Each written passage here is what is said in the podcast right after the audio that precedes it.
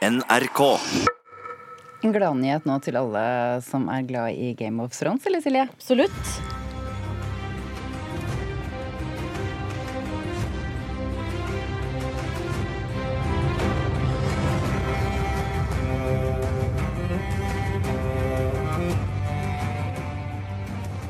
Ja, det er en gladnyhet for alle fansen, i hvert fall kulturreporter Mia Becker.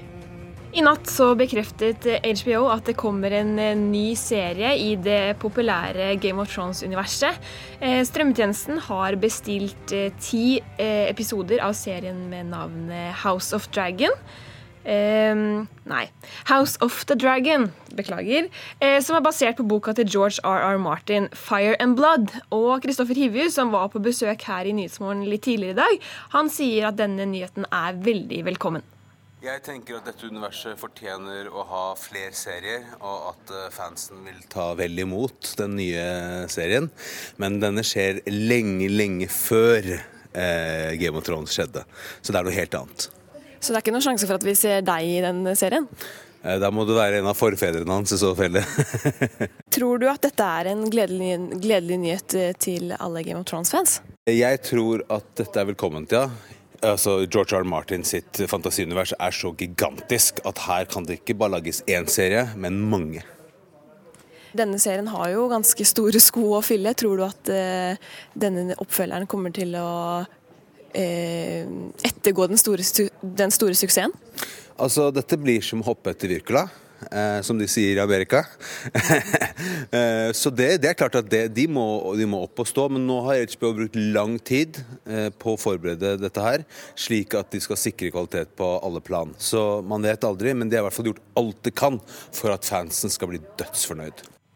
Ja, Det sa altså Kristoffer eh, Hivju, som eh, selv har vært en del av dette store Game of Thrones-universet i mange år nå. Kulturreporter Mia Becker, eh, er det kjent hva denne nye serien kommer til å handle om? Ja, som Hivju er litt inne på her, så finner handlingen i den nye serien sted 300 år før eh, hendelsene i Game of Thrones. Og, eh, og serien kommer til å ta for seg Targaryen-slekta, altså forfedrene til Daenerys Targaryen, som ble spilt av Emilia Clark. Når er det denne serien kommer til å være klar? Ifølge HBOs programsjef Casey Bloys vil den første episoden bli vist eh, i mai neste år. Eh, noe annet som er verdt å nevne, er at nyheten om denne serien House of the Dragon eh, kommer samme dag som Deadline hevder at planen om en annen spin-off-serie fra Game of Thrones er skrinlagt. Så da blir det spennende å se da, om eh, oppfølgeren klarer å få like stor suksess som Game of Thrones har hatt i en årrekke. Takk skal du ha, Mia Becker. Filmen Joker eh, slår stadig billettrekorder over hele verden, men den skaper også heftig debatt om filmens skildring av psykiske lidelser. Hvor realistisk er egentlig filmen? Vi tok med oss en psykolog på kino. To billetter til Joker. Ja. Dette er Asbjørn Kolseth, spesialist i klinisk voksenpsykologi. Nei. Takk skal du ha. Han er på Coliseum kino for å se Joker, Filmen som har ligget øverst på kinotoppen i Norge i over fire uker. Nå starter filmen her, så mens Kolseth koser seg i salen, kan jo vi se litt på filmen utenifra. My mother always tells me to smile and put on a happy face. Joker har spilt inn over 7,8 milliarder kroner på verdensbasis. Rekordhøyt for en film med så høy aldersgrense. Like mange kronikker er det ikke blitt, men det er blitt en hel del av dem også. Filmen har nemlig fått krass kritikk av en rekke fagfolk for å fremme skadelige stereotypier om psykiske lidelser i sin fortelling om hvordan en mentalt syk mann blir til den voldelige Batman-skurken Joker. Filmskaperne har på sin side hevdet at filmen er realistisk, kun forkledd som en tegneseriefilm. Men nå som filmen er ferdig, hva mener Kolseth om filmens skildring av psykisk lidelse?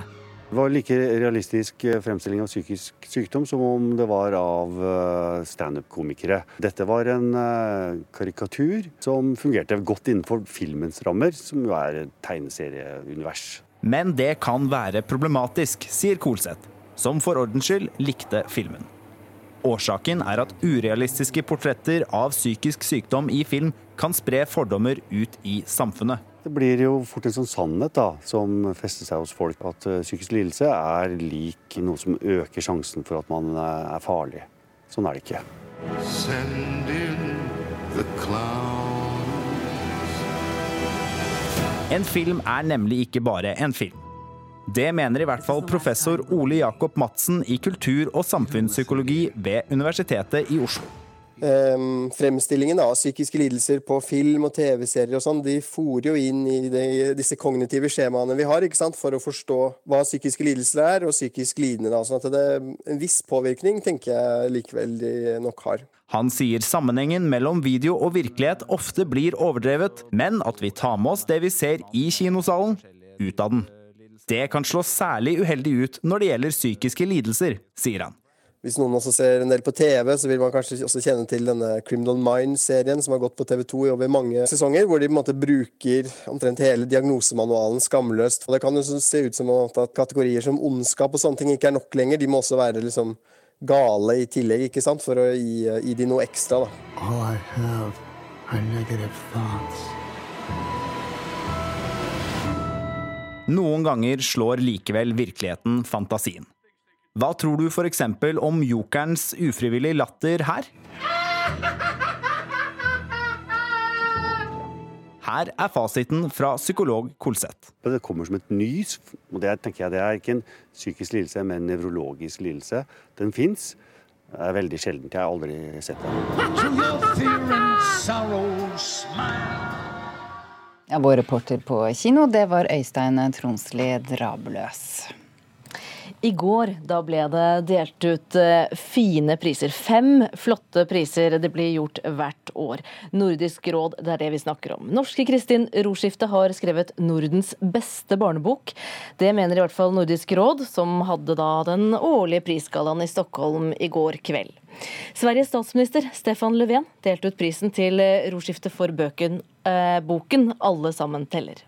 Årets vinnerbok har en litt gåtfull tittel.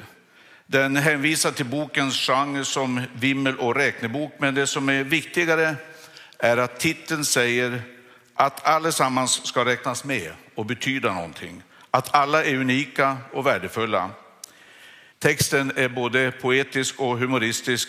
Den väcker nyfikenhet och ger oss ledtrådar till att förstå vad som försiggår på bilderna. Det är ett verk man kan läsa många gånger och hela tiden upptäcka något nytt. Kristin Roskifte, gratulerer. Tusen takk. Hvordan var det å sitte i salen da du skjønte at det var din bok den svenske statsministeren eh, snakket om? Oh, det var helt fantastisk og lett absurd når jeg skjønte at uh, det der er jo faktisk min bok. Det var så uventa. Hva betyr det da for deg og forfatterskapet ditt? Det betyr veldig mye jeg har, eh, jeg har lagd en del ganske rare bøker, kanskje. Det, det betyr veldig mye at eh, jeg føler at det blir tatt på alvor og forstått. Denne boka var liksom en liten sjanse å ta. For, eh, for det er en bok hvor leseren selv må finne historiene og finne ut hvordan det fungerer. Og få en sånn pris, det, det er for, for meg en bekreftelse på at det funka. Og så gir det veldig mye motivasjon til å fortsette å eksperimentere og utforske bildebokmediet framover. Vi må snakke litt om denne boken.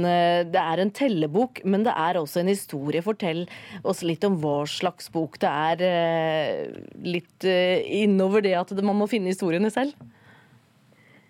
Ja, den, den ser ut som en tellebok. Eh, og vi teller mennesker, og hvert tall er en gruppe mennesker en eller annen veldig forskjellige eh, anledninger til at folk møtes. Det kan være f.eks. fem personer i en familie, seks personer som tilfeldigvis står i heisen sammen. Mennesker i en kø eller mennesker i en skoleklasse, i en butikk, på en kunstutstilling. Eh, og, eh, og, så kan du følge med, du kan velge deg en person, og så kan du følge med på hvor den personen forekommer, i hvilke grupper. Og ut fra det så kan du lese historier om folk og, og forstå dem bedre, da. Eh, eh, tittelen Tittelen 'Alle sammen teller', Löfven antydet det. Tittelen har da mer enn én betydning? Ja, absolutt. Dobbel betydning. Mm. Hvordan, hvor viktig vil du si at det, det grafiske uttrykket, tegningene i fortellingen er? Eh, det er, er, jo veldig viktig. Eh, og jeg har bevisst gjort det sånn at eh, bakgrunnene er i bare strek, og menneskene er tegna i farger. Eh, sånn at det skulle være lettere å se. Men det er også det symbolske i at det er menneskene som utgjør samfunnet, eh, og ikke alt det andre. Takk skal du ha, Kristin Roskifte, og gratulerer igjen med prisen. Den eldste av prisene som ble delt ut i går, eh, Nordisk råds litteraturpris, gikk til den eh, danske forfatteren Jonas Eika for novellesamlingen 'Efter solen'. Marta Norheim, litteraturkritiker her i NRK, var det overraskende? Ja, det var veldig overraskende. I alle fall for meg. Jeg har gått gjennom bunken og hadde noen andre nokså klare favoritter.